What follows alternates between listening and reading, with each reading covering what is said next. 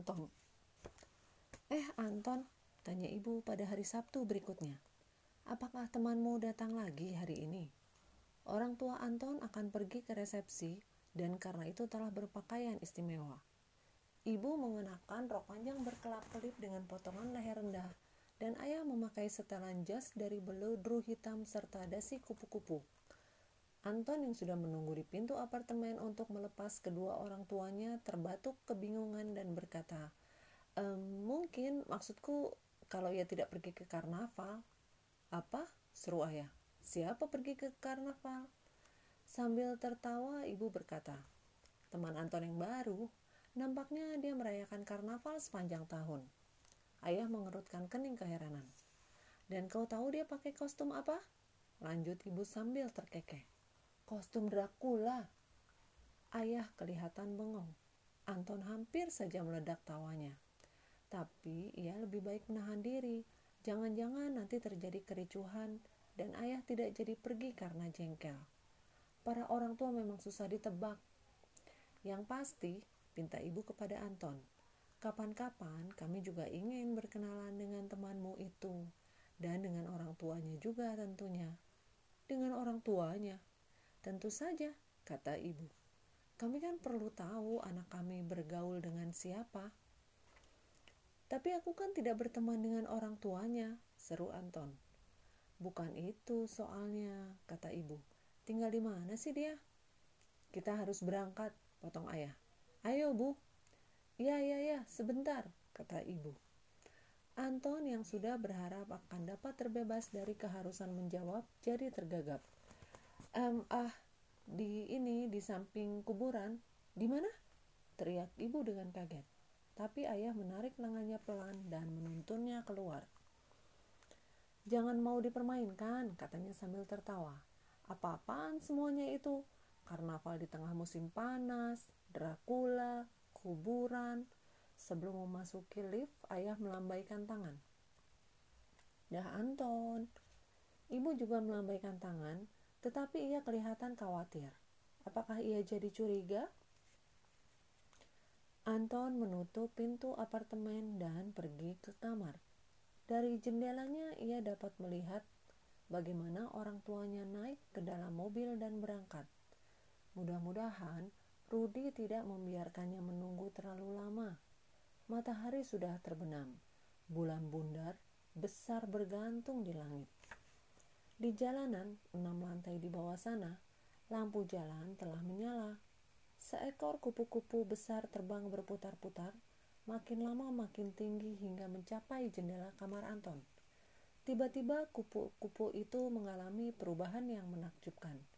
Mula-mula muncul sepasang kaki di bawah sayapnya, kemudian dua tangan, dan akhirnya Anton melihat kepala berambut acak-acakan yang sudah tak asing lagi baginya. Memang, si Dracula yang kini menukik dengan gaya penerbang ulung dan mendarat di kosen jendela Anton. Aduh, kaget aku kata Anton terengah-engah. Hai Ton, sahut si Dracula. Apakah kau selalu terbang sebagai ngengat? Tanya Anton. Apa? Teriak Rudi, matanya membelalak berang. Bukan sebagai ngengat, tetapi sebagai kelawar. Oh, maaf, kata Anton cepat. Mengapa ia selalu salah ucap? Tapi Rudi ternyata tidak marah.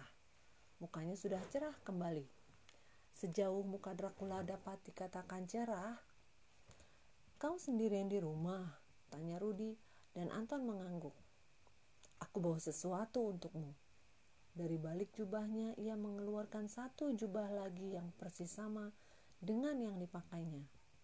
Bahwa itu memang jubah Dracula yang asli terbukti dari noda-noda darah yang masih menempel serta bau tanah lembab, kayu lapuk, dan udara apak di liang kubur.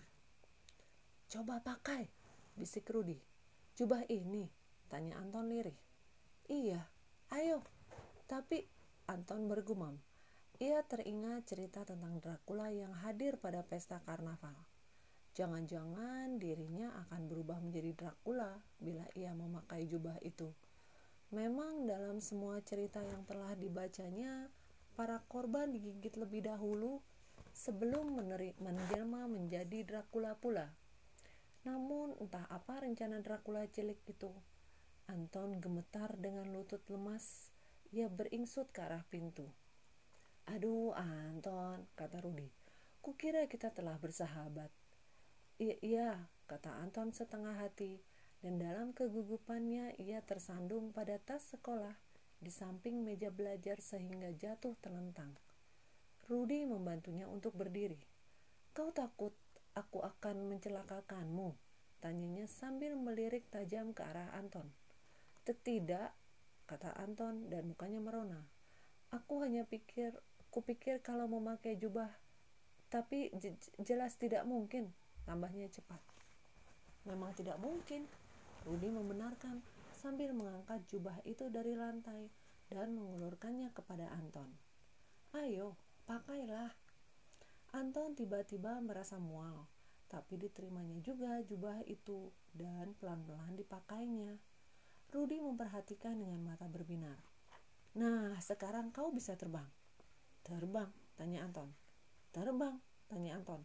Terbang bagaimana?